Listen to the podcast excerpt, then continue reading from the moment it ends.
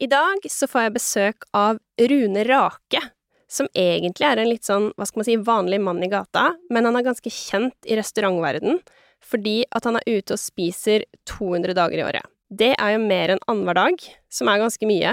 Jeg vet også at Rune har vært på Maiemo nesten 100 ganger, så jeg lurer jo selvfølgelig på hva det er som gjør at han drar dit igjen og igjen og igjen, og hva som er det beste han har spist noensinne, hvis han klarer å plukke ut det.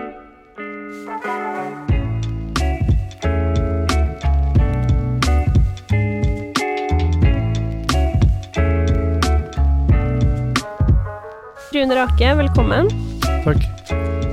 Du er jo for mange i hva skal man si, mat- og vinbransjen kjent for å spise og drikke mye ute i Oslo, og andre byer for så vidt, og land. Um, men for de som ikke vet hvem du er, hvem er du? Nei, jeg har jo en vanlig jobb, da, som de aller fleste, så jeg jobber med stort sett alle prosjekt som uh, finnes under bakken. Alt av tunneler. Det veitunneler, kloakktunneler, jernbanetunneler, oljetunneler etc. Så det har jeg holdt på med siden 1987. Ja. Kan gjerne gå i detalj om det. Ja, nei, nei, uh, nei. nei, det holder, det. Nei, men det er, det er sånn du, du er egentlig ikke en uh, du, du er ikke på innsiden av matbransjen, eh, sånn sett. Så det var bare det jeg skulle etablere. Nei, jeg er ikke etablere. på innsiden. Jeg sitter i noen guider og kan, kan du si, da, som eh, for så vidt innstiller eh, restauranter da, til diverse priser. Eller vinkart. Ja, ikke sant? Ja, Så du har hjulpet litt restauranter med vinkart og sånn? Ja, men jeg sitter også i Du kan si Vinkelnerforeningen Kapital. De har en årlig pris som går på årets beste vinkart. Og spesielt årets beste vinmeny, som er den mest interessante prisen. da. Ja, ikke sant? Så der er jeg juryformann. Spennende. Ehm, jeg tenker vi skal jo gå litt sånn mer inn på hva skal man si, eh, alt du spiser og drikker ute eh, i løpet av et år, eller i løpet av, av de siste årene. Men sånn for å bli, bli litt bedre kjent med deg, eh, så har jeg lyst til å starte med bare sånn fem kjappe spørsmål. Um, først er rødvin eller hvitvin. Det, det er ikke sant, det er et helt umulig spørsmål. Det er begge deler. Ja, Kjøtt eller fisk? Blitt mer og mer fisk og mindre og mindre kjøtt. Eh, sjokolade eller potetgull? Sjokolade i Ja. Det har blitt mye mindre enn før. Ja. Det var en liten diabetes 2 som dukka opp, og da Passer litt på der, ja. har det blitt litt mindre av det. Potetgull er det helt slutt på. Ja, ikke sant. Eh, rugbrød eller loff? Ja, det er faktisk så galt at jeg velger loff. Men det var en bra loff, da. Ja, med masse smør og ja. Eh, pizza med eller uten ananas? Nei, altså det Du får jo ikke ananas på pizza lenger. Så, og ikke at jeg har bedt om det heller. Du, du- får fortsatt ananas på pizza. Det, Man det kan spørre om det. Ikke der jeg går, men Nei, hvor spiser du pizza? Nei, Tranen er eh, fortsatt meget bra, og, og Apostrof sin pizza er meget bra. Så, Samme eier på, på de to. Samme eier, Um, ja. Um, Diamond good. Uh, vi kjører på med tre spørsmål til før vi, før vi går over på ja, hva skal man si, uh, Miami. Men uh, spiser du frokost, og hva spiste du til frokost i dag i så fall? nei, normalt spiser jeg ikke frokost. Det kan hende at det tar ti minutter Kall det frokost etter å ha jobba en times tid, da. Og i dag jeg var innom Orkla-bygget, faktisk. I, Ja. I den kafeen der. Bare et stykke med brunost. Ja. Var ikke noe verre. Nei, nei. Nei, men det er godt, det. Um, når og hvor spiste du ute sist? Ja, det var eh, Ja, det var på Panu på lørdag. Ja. Var det bra? Ja, jeg syns det er et sted som kommer til å bli et av de aller beste i Oslo.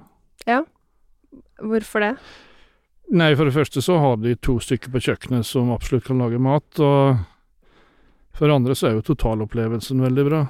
Og også vinene som har blitt servert, jeg tenker på vinpakken, og selv om den går mot det naturlige i hermetegn, så har de vært ganske rene. Ja. Så fins det noen få klassiske viner òg, da. Ja, for det er jo det, det kan vi også komme litt sånn Ja. tilbake til, da, med naturvin og hva Mm. skal man si, klassisk vin og den pakka der. Um, hva er din favorittrett? Ja, Det har jo et bredt spekter, jeg må jo si Altså, de aller beste pastaene, agnolotti for eksempel, kan være fantastisk. Piggvar, ok da, nå er det på gang, ikke sant. Sjøkreps, hvis du får den på de rette stedene, kamskjell. Tror jeg har vært innom de aller, aller beste. Em, det er gøy at du også nevner ja, ikke sant, sjøkreps og Mm.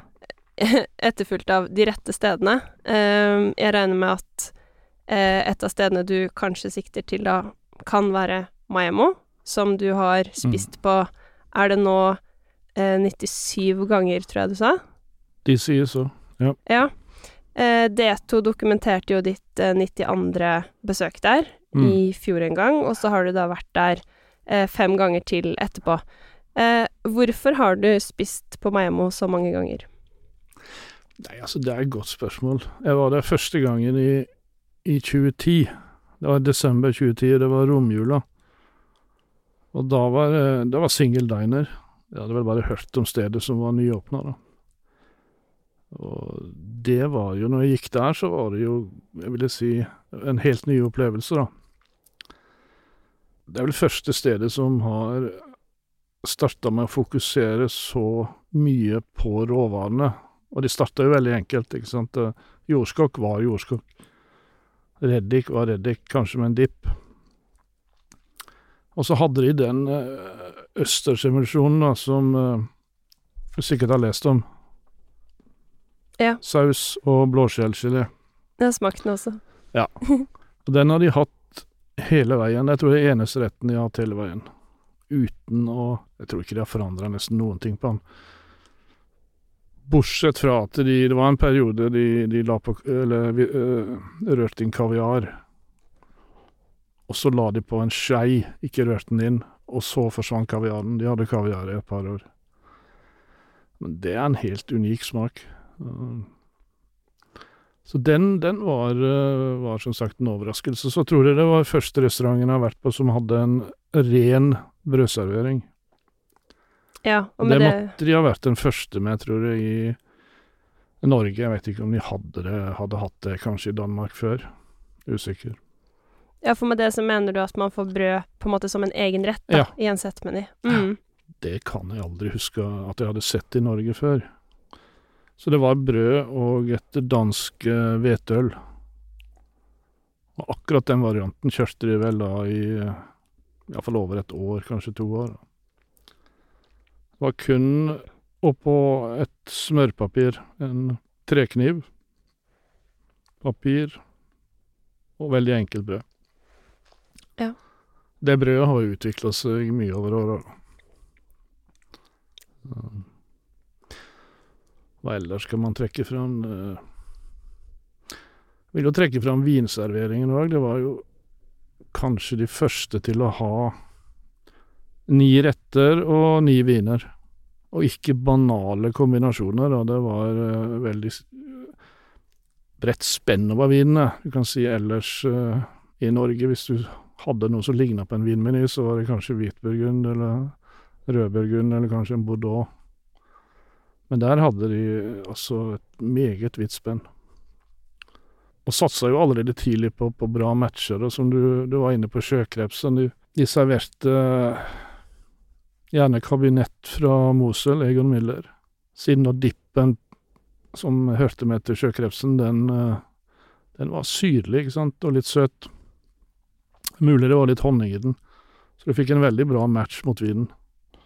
Og samme med smørisen, da. Som var matcha med, mot en Vinsanto fra 95. Til slutt så kjøpte de opp hele restlageret, altså produsentens restlager. Så de hadde jo den samme vinen i årevis. da.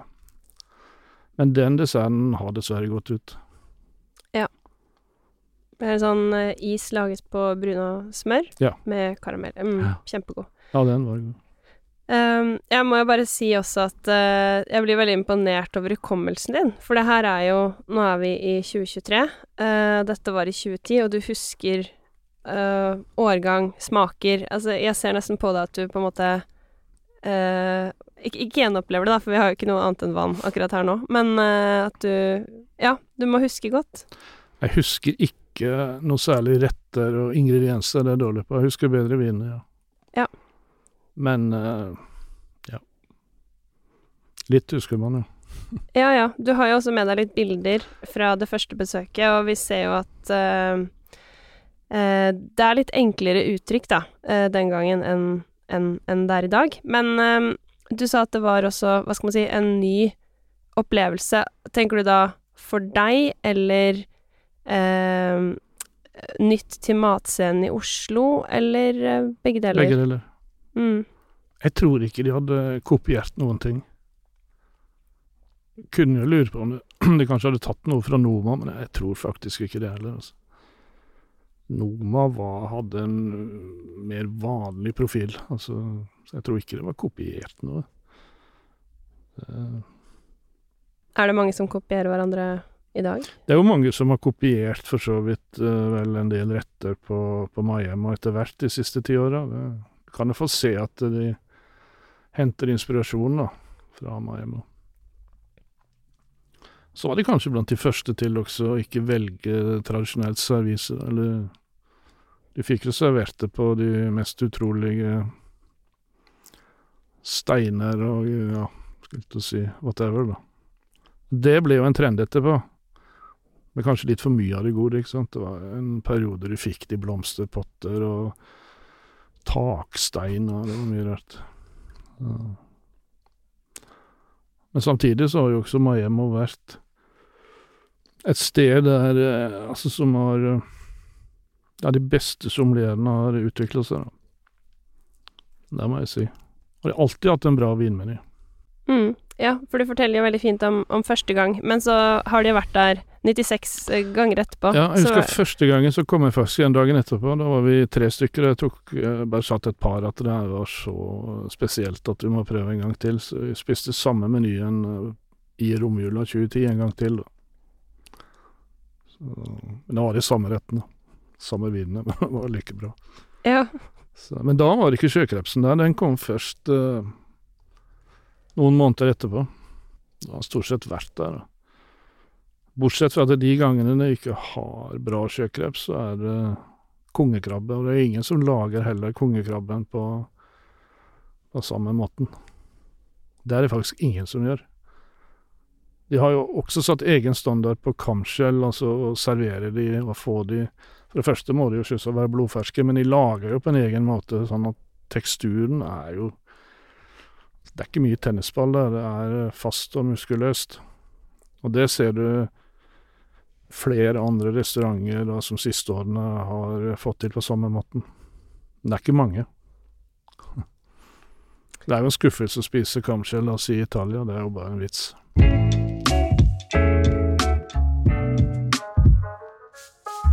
Nå har vi jo snakket litt om hvordan Maemmo var da det åpnet i 2010. I 2020 så flyttet de til en ny lokasjon i Oslobukta, som for så vidt ikke er så langt fra, hva skal man si, eh, originale eller eh, første lokale. Um, hva vil du si er eh, skiller eh, nye Maimo fra gamle? Det er jo et lokale som er helt uten vinduer, da. Det er jo spesielt i seg sjøl, da. Så, men det er nok gjort for å få enda mer fokus på hva som serveres. Når det gjelder rettene, så, så ligner det jo mange av de på slik de var når de flytta. Det eneste som jeg syns det har vært veldig stor utvikling på, er jo brød. Eller alle de formene for brød, som har blitt mer og mer lagvis. Så i motsetning til 2010, når du fikk smøret ved siden av, så er jo nå alt smøret inne i brødet, da. Og det må jo være flere tusen lag. i enkelte Det er jo helt fantastisk brød, da. Og perioden med vafler var vel før de flytta, tror jeg. Ja. Vil vel påstå at det var vel Ja, det var eksotisk kanskje for de som kom med flyene inn fra andre land, men Det er det eneste jeg kunne kanskje vært spart for. De vaflene? Ja, så vaflene er kjempegode, men jeg mener du Det kan de fleste lage like bra. Ja. Det, men det var en utvikling der, og det begynte med vanlige vafler, og til slutt Men de, de hadde stadig, kan du si, mer fett inni vaffelen, og det enda jo opp med oksefett, jeg lurer på om det var vagyfett på slutten. Der blir jeg sikkert arrestert, men det, det ble mye fett, ja. Så, Det er morsomt du sier det, fordi uh, mitt, mitt inntrykk er at de Eller jeg, jeg så jo de vaflene overalt i mange, mange år, før Mm. første gang jeg rakk å spise én gang på uh, Gamle Maimo, og da hadde de faktisk egentlig sluttet med de. Eh, og da sendte jeg en mail og spurte er det sånn at dere har sluttet med de vaflene, eller kan dere lage de en siste gang? Eh, og da svarte de bare høflig liksom når kommer du og sånn. Eh, så kom vi, og eh, da fikk vi, var vi det eneste bordet som fikk vafler, Ja. og det syns jeg på en måte er eh, eh, Jeg syns jo de var ekstremt gode, jeg er enig med deg, det var vafler, men det var et eller annet utrolig godt. Men det sier også bare litt om servicenivået som er der, da. Jeg har jo faktisk fått én gang alle besøk, så hadde vi en Cotty Cotti Buff. Én gang. Men den var eh, perfekt. Bortsett fra det, som sagt, så er det ja, Det kommer jo nye retter hele veien. Rømmegrøten er usikker på. Jeg tror de hadde, de hadde den på det gamle stedet oppe på slutten. Og den har de jo fortsatt. Så jeg tror nok at en 30-40% av rettene har eh, blitt med over. Men så starter du nå i kjelleren, og, i, da flytter du opp, og eventuelt flytter du ned igjen. Det blir jo ofte en flaske ekstra champagne og slikt. Så, Ja, for man er der litt lenger. For de som ikke har vært der, så kan vi på en måte kanskje beskrive det litt. Du er på en måte først i en slags eh, Ikke kjellerstue, blir veldig rart å si, men du får litt sånn stuefeeling. Det er eh, bar, det er eh, peis, koselig musikk, egentlig. Ja. Sånn 80-90-tallsmusikk. bra liste. Ehm, og så, når man har da spist, hva skal man si, eh, de første rettene, så blir man tatt med opp i et spiserom som er veldig sånn høyt under taket. Der er det helt stille. Eh, og så man, går man tilbake igjen og spiser dessert og sånne ting nede, og kan sitte og slappe av. Så det blir jo litt mer eh, Egentlig ganske avslappet til å være en trestjerners Michelin-restaurant, kan man kanskje si. Ja. Jeg sier de aller siste gangene har det faktisk Da har vi blitt enige om å begynne opp og spise og slutte opp og Ok, at du ikke har den turen. Nei, ja, ofte er det like greit å sitte opp og Det sitter jo bedre.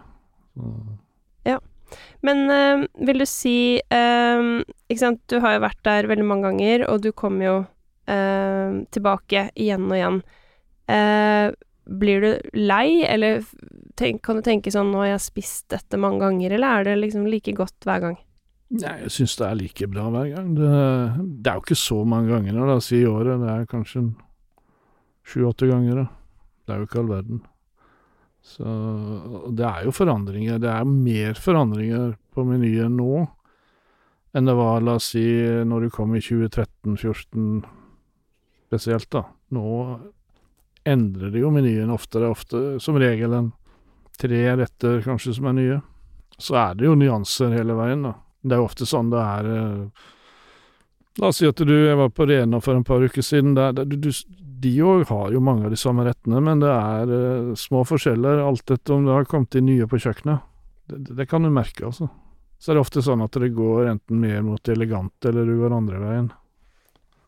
Om du har fått inn noen fra Asia på kjøkkenet som de hadde nå på Rena, så var det plutselig en, en litt sånn litt mer asiatisk preg over mange av rettene, da. Og ingrediensene. Så Men eh, jeg vil jo si at kanskje Mayhem og Reno er de som har retter som ligner mest på hverandre, da. Ja. Hva, På samme kvalitet, og til dels også råvarene. Reno er jo i Stavanger Ja. og har to stjerner i, i eh, Michelin-guiden. Um, men vil du si mm, smaksmessig at Jeg har ikke spist det her selv ennå, dessverre, men ligner det i smaken også, eller tenker du mer bare sånn råvarer og Nei, det ligner også i smakene, jeg gjør jo det. Hva tror du de tenker om den sammenligningen? Nei, det må jo være kompliment. Ikke si noe annet. Det. Men Octoriena har jo et spenn i, i Ikke sant, de kan gå fra helt eh, enkle skjell til kanskje litt mer kompliserte retter, da, men det samme gjør jo Maima. De har mange retter med altså litt, skal vi si, kropp, da, eller omtrent som det var en vin. Fylde. Jeg vil jo si at de, de har eh, flere li likheter enn det motsatte. Mm. Um, men har vi vært litt sånn Man har jo fått en liten sånn smakebit på hvor mye du er ute. Eller du har jo nevnt nå eh, Maimo syv til åtte ganger eh, i året. Du var der i Stavanger forrige helg. Eh, Panu Jeg trodde det het Panu, men Panu Ja, eh, på, på lørdag. Hvor ofte er du ute og spiser? Nei, altså, det, det, det kan jo fort bli en, la oss si, opp mot en par hundre ganger. I løpet av et år? Det er jo spørsmål hva, hva er å spise ute? Det er jo ikke Miami liksom hver, eh, hver uke, da. Så det Da tenker jeg gå på restaurant, da. Ja. Ik ikke lage opp mat mot et selv. par hundre. I løpet av et år. Ja. Det er jo mer enn uh, annenhver dag. Ja. Men det blir uh, neppe på mandager. Tirsdager helst ikke. Så deretter så kan man jo gå ut, da. Men hvis vi bare tar Det er veldig spennende å høre om to siste ukene. Hvor har du vært og spist? Nei, altså, jeg har vært Hvis du La oss si at du sprer det Ikke nødvendigvis de to siste. Har jo vært på Jeg var på Island. Det er det blitt en tre uker siden. Da Da gjorde vi fem restauranter. Begge enstjernerne pluss den tredje som var eh, nevnt i guiden, da. Pluss en par eh, enkle. Så jeg må jo innrømme at de, de ligger De ligger et stykke bak eh, de beste i Norge. og Bortsett fra oks, som var veldig bra. Så, men på vinsiden er det en tragedie. Det må jeg si. Oks var innafor, men uh, dill uh, og de vinene de serverte der i vinpakken, det var uh, noe av det verre på flere år, ja. Og det er litt rart at når du har et kjøkken som har greie på smak, ikke sant, hvordan du skal tilberede råvarer, at du da kan komme med viner som i grunnen hører hjemme på en salat sammen med litt olje, da. Det er så galt det er, altså. Mm. Men eh, ja, ja, jeg bare klarer ikke helt å se, se Eller eh, vet jo ikke hvordan viner det var i, i, i Nei, det er eh, altså Viner gjerne helt uten svovel, hvilket uh, Det er jo ikke noe problem å finne bra viner uten svovel, Det mange vil kalle naturvin, da. men de må jo evne å sortere vekk de verste. Ja, mange kaller det naturvin, men det kan være Altså, det er jo ikke Det, det må være i hermetegn. Det var ei som var innom territoriet her, jeg på om det var tidlig lørdag, og spurte om man kunne få en naturvin. Det blir litt feil, da. Men, men jeg tenker, når, når vinen allerede er ødelagt når den går ut døra fra produsenten, da, da bør en vinkelner kunne sortere den bort. Dessverre så har det blitt verre og verre med åra. I Oslo, eller? Jeg syns faktisk i Oslo òg at det er eh, noen steder der eh, der det er galt. Men det er klart, du har jo steder som Noma, sant, som fikk sin tredje kjerne. Du har jo aldri fått en bra vinmeny der. Og det er jo litt synd, da. De fikk sin tredje kjerne. De har aldri hatt bedre mat. Jeg var der tre ganger i fjor. Sjømatmenyen er helt fantastisk, og jeg var på den høstmenyen. Vilt. Men der var det viner, ikke sant, når du presterer kanskje å servere en søtvin som ikke er svovlet. Det er helt umulig å lage en søtvin uten svovel. Det burde aldri vært der. Jeg tror jo det gikk lang tid før de fikk den tredje stjerna på grunn av vinmenyen. Selv om guiden ikke skal bedømme vinmenyen, så er jeg sikker på de har gjort det. Så det er synd. Men hva gjør du da når du Det høres ut som du har vært på Noma en del ganger også, ikke vært helt fornøyd med vinmenyen, og så bestiller du den, og så drikker du et par slurker, Ja, vi har, kjøper du flasker, vi har jo tatt uh, kanskje en på si, eller Eller det vil si, hvis du går tilbake ti år på Noma, så la oss si, da var jo for så vidt vinlisten ok. Jon Sonningsen jobba der. og Da kunne du Og han satte til eh, stort sett ok viner. Deretter så har det gått, gikk det jo nedover. Folk kan selvsagt være enige eller uenige, men eh, jeg ser jo enkelte uh, kalde naturviner i heimetenk da, som faktisk ikke Så de, de tåler jo ikke engang å stå åpne, la oss si, i ti minutter. og så er det jo oksidert. Det er jo ingen høydere. Mm. Jeg drikker gjerne naturvin, no problem. Ja. Bare at det skal være Det må være godt rent. og Ja. Men du er jo åpenbart eh, både interessert i og kan mye om både mat og vin. Hvordan Altså, hvordan mat er du vokst opp med, og når er det du eh, den vin... Eller mat- og vininteressen din utviklet seg såpass at du begynte å gå ut og spise så mye som du gjør i dag? Det er jo en Altså, jeg har jobba mye Altså utenlands på 90-tallet, da. Jeg vil jo si at det kanskje begynte da. Det var en par år i Saudi-Arabia, og det, det var ingen høydere. 93 til 95, men fra 97 så var det litt over tre år eh, bodde fast i Italia. Jeg vil vel si at det, var da det Du kan si at, at det fikk en ganske bratt kurve. Absolutt, altså. Da spiste man nok mer ute enn enn enn de 200 Enn 200, ja. Ja, for da reiste man jo, det, det var jo ikke langt fra, la oss si, det var i Piemonte, så det var jo bare en, eh, en og en halv time til Alba. Så jeg vil jo, etter tre år der, så er det veldig vanskelig å gå tilbake til pasta i Norge. Det blir aldri det samme. Det måtte være de eksperimentpastaene som jeg har fått på Hotshop, for eksempel, de, eh, de har vært på samme nivå. Så jeg tror eh, Jeg var en gang på den gamle Altså Guido, da. Det var en restaurant som eh, Det starta i 61 i Costigliole d'Asti. Der tror jeg var første gangen eh, som jeg fikk en helt perfekt pasta. Da. Der var det en Angelotti. Eller Plin. En av dine favorittretter? Ja, det er, det er bra. Det jeg tror jeg var sånn på slutten av 8-99 eller noe sånt. Etter det er det veldig vanskelig å, å spise agnolotti, spesielt i Norge, eller whatever du måtte få servert som kommer ferdig fra butikk. Men det ligger jo bare i små detaljer, det, det er jo der det ligger. Og enkle ting, pastaer som la oss si en carbonara, akkurat det samme. Jeg gjorde en runde i Oslo her, jeg tror det var siste halvår. Jeg prøvde å spise meg gjennom alle carbonaraene, og det, det er, da er mye dårlig. Ja.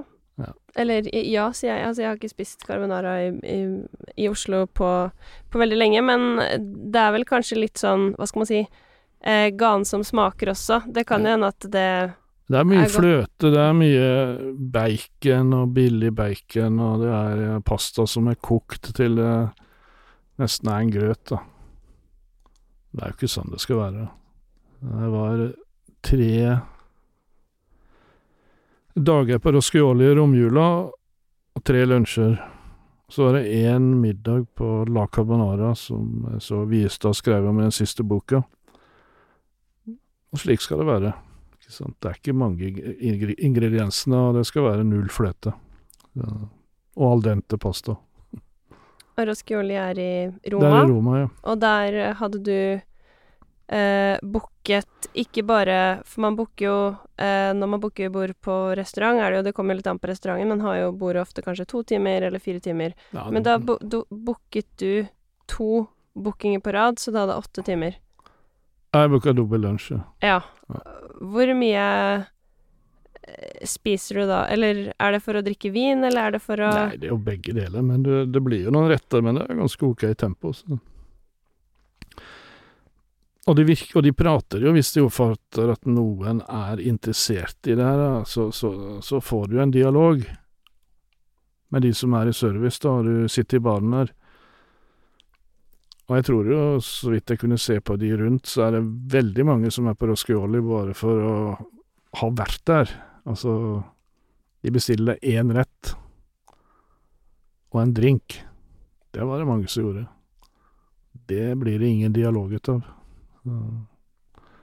Men det er absolutt et sted å anbefale å gå tilbake til. Det er, eh, om det er pastaen, eller om det er eh, skinken etc., så syns jeg de er, de er litt tøffe, og de, de serverer spansk skinke ved siden av italiensk skinke.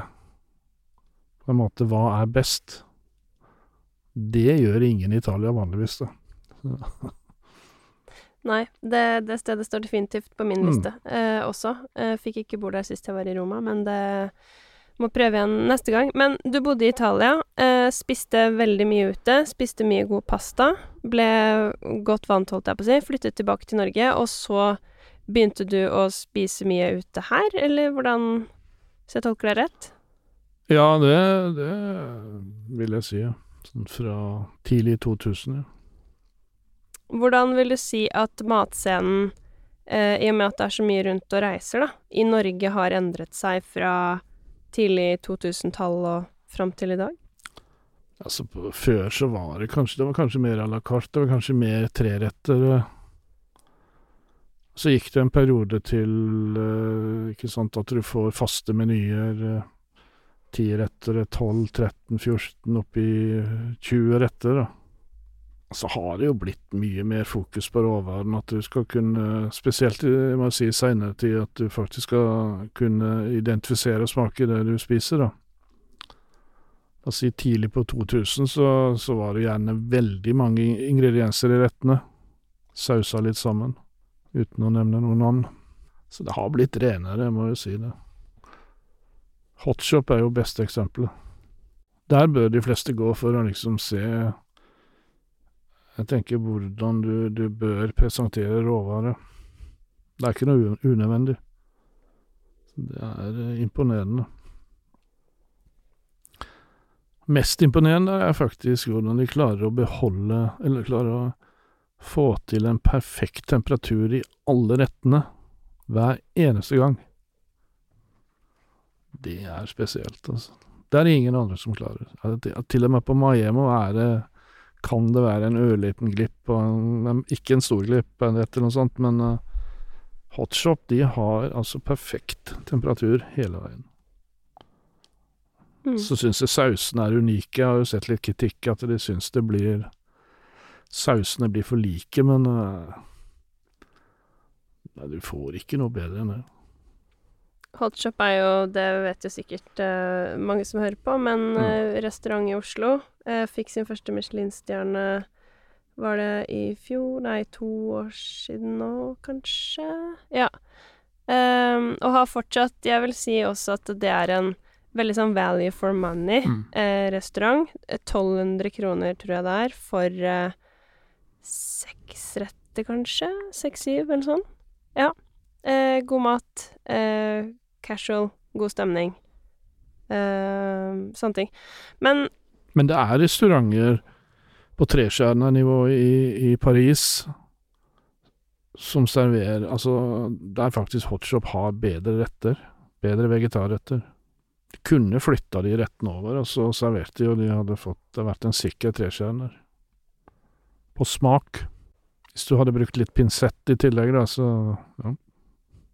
Stort, kom stort kompliment Ja. til, eh, til, til Hotshop. Men uh, når det er så mye ute og spiser som du er, uh, er du, spiser du alene, spiser du med andre, eller hvem er det du pleier å gå ut og spise med? Nei, det varierer. Jeg spiste ganske mye singel før, vil si på 2000-tallet, men nå er det jo gjerne flere, da. Men jeg har ingen problemer med å spise eksempel singel, det spiller ingen rolle. Men det er jo hyggelig hvis man er flere. Det er jo klart det. Har du mange andre venner eller bekjente som også er interessert i mat og vin? Det er utrolig mange som er interessert, faktisk. Så, så kanskje du burde starte et eller annet konsept der du har en eller annen webside der interesserte kan eh, spise ved samme bord. Ja. Det vil jo være en god idé. Det fins vel eh, noen sånne communities, The Hungries for eksempel, Det gjør det. eh, der man kan, Mm. Hva skal man si, eh, melde seg inn og Ja. ja, finne andre som også Ja, men jeg er helt enig med deg. Det kunne også være konsept om det er lovlig eller ikke, veit ikke, men det kan jo gå på vin. altså Det er jo ikke alle gangene du har interesse av en flaske med veldig bra vin, men at du Hvis du meldte inn et sted, så kunne det jo være flere som ville ha en halv eller en kvart av noe som koster mye. Da. Det kunne jo også være, ha vært et bra konsept. Mm.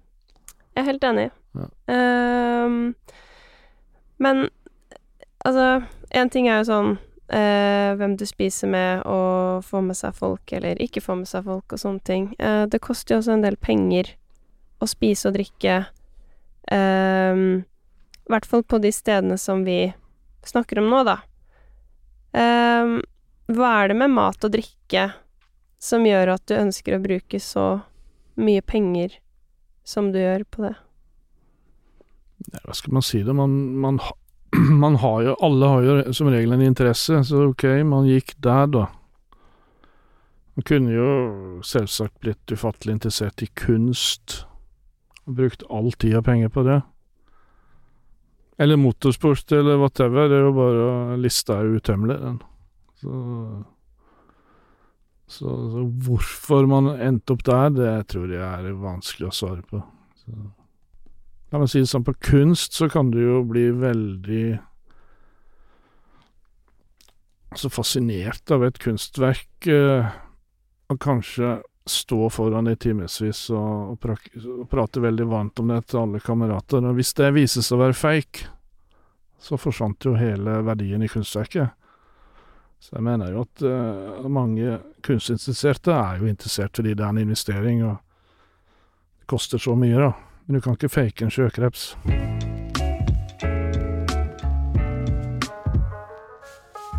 Du har spist veldig, veldig mye ute.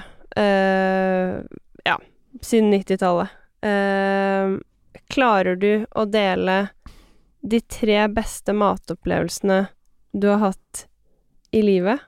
Nei, altså, du, du, du spurte jo Du forberedte jo meg litt på det, da. Men det er klart at uh, hvis du går tilbake 25 år, da si kanskje 5000 måltider, det er veldig vanskelig å plukke ut tre. Det må jeg si. Kunne jo heller skrevet en bok, da, om det var 50.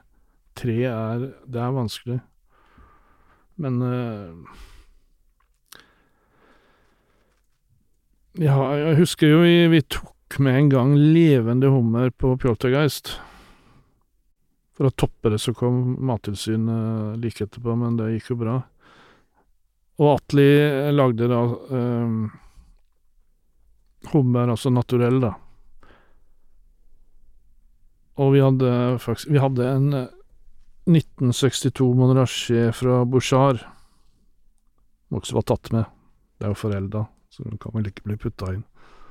Den uh, glemmer jeg ikke.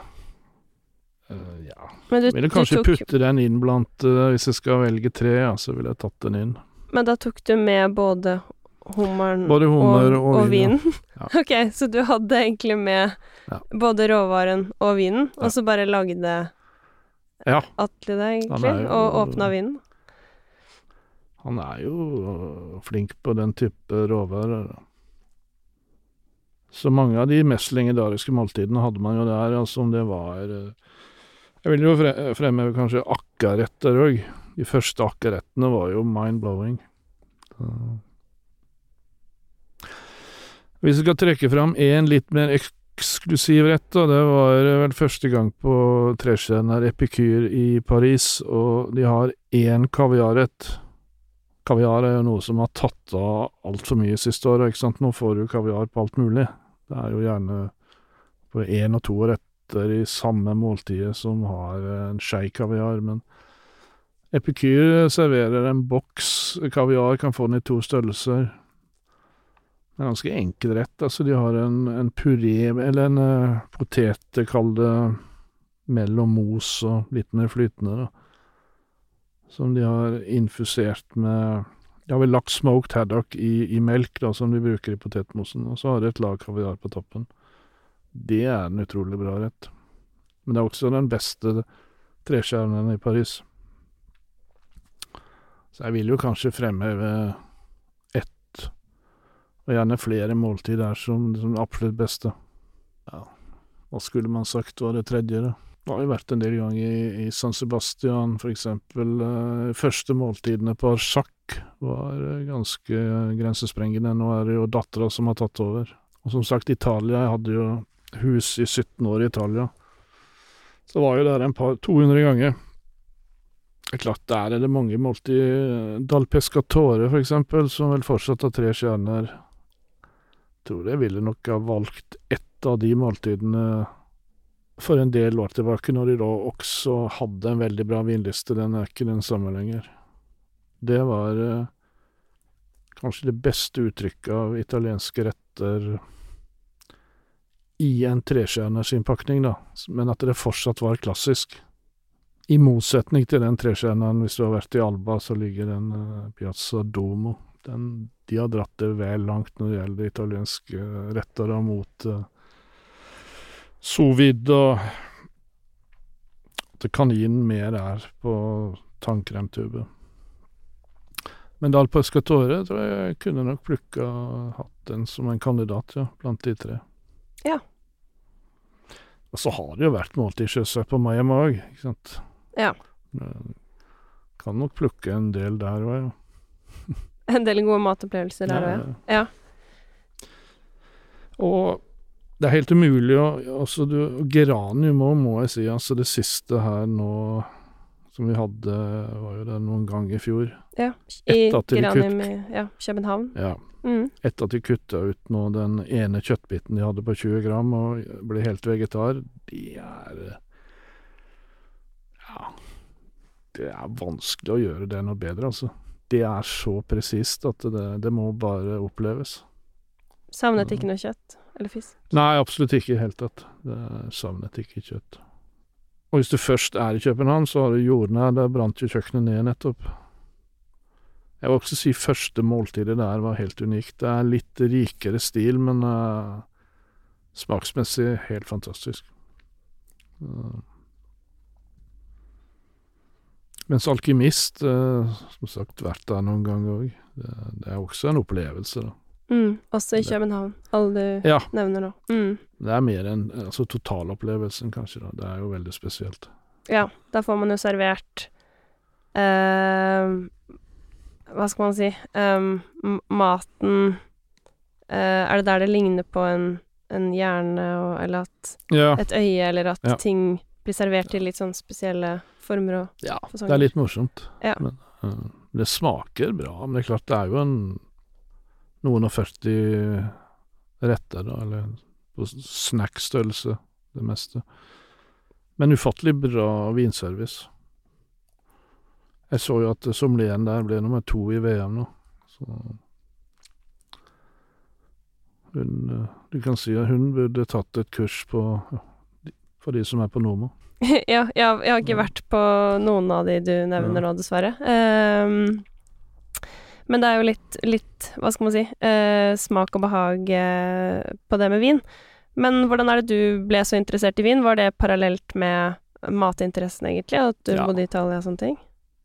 Jeg tror jeg vil si at det begynte jo for alvor i Italia, absolutt. Men det tok jo mange år før jeg ville si at, eh, at jeg kanskje skjønte hva det gikk ut på, da. Sånn sett så har jo de som er for så vidt, la oss si, eh, 20 år i dag og tar vinkelneren, har jo et helt annet utgangspunkt. Absolutt. De, de, eh, de kommer jo fort eh, 10-15 år eh, foran der man var på den tida, da. Så, så det er mange unge i dag som har eh, altså imponerende kunnskap om vin, da. Og så er det noen få som ikke vil bruke da den kunnskapen som eh, som da filosofisk, eller hva det er, absolutt må, må ha i hermetegn naturvin, eh, og gjerne av de vinene, som sagt, som ikke er korrekte, da. Og hvis man først skal prate om vin, så er det litt synd at det er så mye feilvare generelt, da, som det er på vin. For eh, du skal vurdere ut fra pressesmakingen som Polet holder, så er det jo 20% feil. Mm, at det er kork, eller at det er Det er uh, oksidasjon, kork, feil. Altså feil på vinen. Det er 20% ser ut til, sånn Ja. Det er ganske høyt. Så man må liksom bare tørre å stole litt på Om det er veldig få bransjer som hvis det er sånn at du slår fast at det er 20% feil, så er jo ikke det mange som overlever i matvarebransjen hvis det er sånn at uh, 20% av rødbetglassene er dårlige. Da skjer det jo som regel et eller annet. Ja. kommer gjerne i avisa. Kanskje, kanskje nå, nei da. Uh, Mm. Men uh, du er jo glad i Virker som du har litt sånn forkjærlighet for uh, gjerne litt sånn eldre viner. Hvordan får du tak i de, og hva er den dyreste vinen du har drukket? Altså, der var jo alt mye enklere før. Alt var mye enklere før når det gjaldt. Da kunne du kjøpe modne viner, eldre viner, for en, vil si, ganske rimelig penger, da. Men de siste åra, hvis du ser på priser, så har det Altså, det er ikke det Det går jo rett opp. Altså, du kan finne mange eksempel. La oss si Det er ikke nødvendigvis sagt at det er de aller beste vinene, men du kunne jo gå på La oss si du gikk på Le Canard for 12-13 år sia. De hadde for eksempel Romier Musigny på kartet. 94-årgang, 97-årgang. De kosta 1700-1800 kroner. Skulle du finne en Romier Musigny på kartet i dag, spesielt hvis du beveger deg utenfor Norge, så jeg tror ikke den er under 200 000. Det forteller jo litt om hva som Det er ganske stor differanse, ja. Ja, du kunne jo gå på gamle Kry. De hadde for eksempel Monrachien til Lefleve. Jeg har hatt mange årganger der. Den hadde jeg også på nye og gamle Bagatell. De kunne koste 3000-4000. Prøv å finne en nå. Det er samme greia, ikke sant. 100 000-200 000, og Da er det jo bare tull. Ja. Så men ellers så har det jo vært eh, Blomkvist sine auksjoner. Det har, vært mange bra kjøp. Det er begynt å bli verre nå, da, men de første åra så var det veldig bra kjøp. Og det var en kjeller som var ute i fjor, der Ikke si det var direkte billig, men altså, det var bra kjøp. Der var vi en åtte-ti stykker som gikk litt sammen og, og kjøpte en god del, da. Det var den gamle kjelleren til Tor Furuholmen, som døde i 84. Og den gikk vel videre til barn og barn igjen, da, og de valgte å, å selge, da. Men de flaskene var lagra eksepsjonelt bra, så jeg tror jeg var med på fem flasker Cheva Blanc 47 fra den kjelleren.